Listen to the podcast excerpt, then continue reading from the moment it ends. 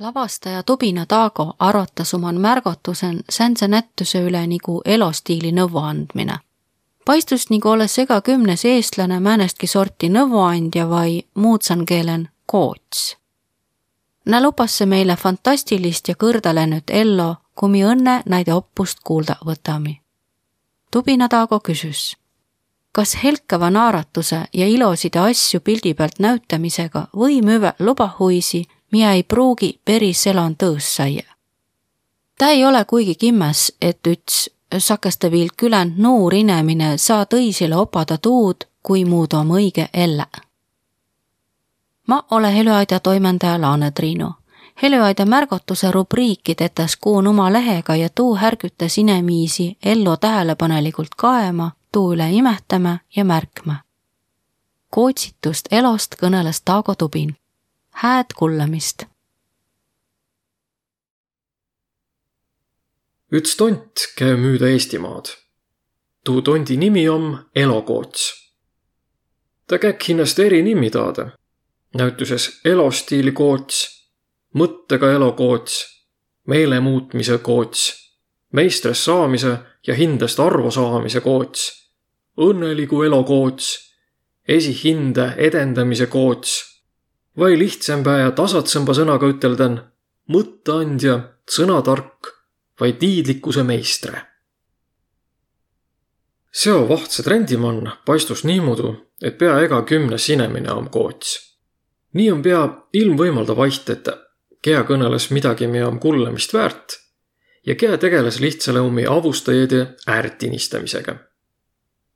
kea tuu elokoots siis om teedeandmete eestikeeline sõna coaching tunnistati kahe tuhande kuueteistkümnendal aastal kõige jäljembas sõnas ehk siis jäljesõnas. ja see jäljesõna kõige lihtsam internetist löytu seletus ütles, et coach on tii oma elo edasi minegi triinja, kes avitas teil kõige väikumba aoga jõuda punktist A punkti B. suurelt jaolt nõses läbi sotsiaalmeedia elokootsena ette noore naase vanus on kakskümmend viis kuni nelikümmend. kinkal oma välja pakku kolme, viie või seitsmepunktilise paketid tuust, kui muudu hää elo peale saia. tuu jaoks kõrvaldades nii massuliitsi koolituisi, kui jagatas õkva ülekanden massulda oppussõnno. oppusega paistus inembüsi üten käivat fantastiline ja kõrdelennu elo, näge välja nagu maapealine paradiis või vahitorni kaasepilt ja tuud näüdates oma kodulehe peal ja sotsiaalmeedia näge küle pealt. Neo inemise paistu ei kunagi välja väsünü. Nä näütas ummi pilte ja videode peal nii-ütelda õiget eloviit, üten nunnode latsi ja njummide meeluseläjadega, disainmaju vaid korteridega, päevapaistelise keskkonna ja tävvelitselt ökosmöko eloviiega.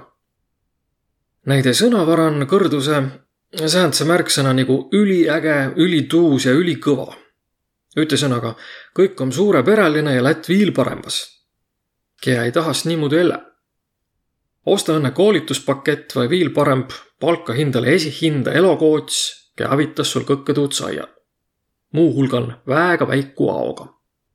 A kuis saa üts nuur inemine opada tuud, kui muudu om õige elä?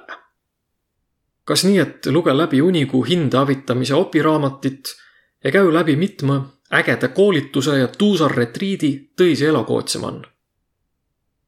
või kas ei oleks nii, et päris elamise tarkust saa anda õnne kiäki, kem naanu hoidma hinnast kauempale ainelisest ja paistuvast. näütusen mõtsan või koobaseen ellev vana eräk.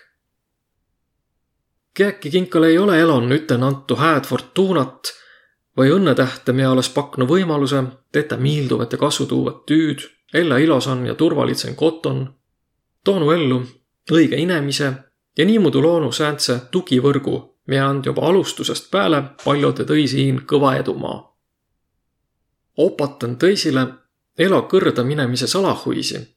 tule arvu saia, et palju olenes ta eloniks juhusest ja videmisest.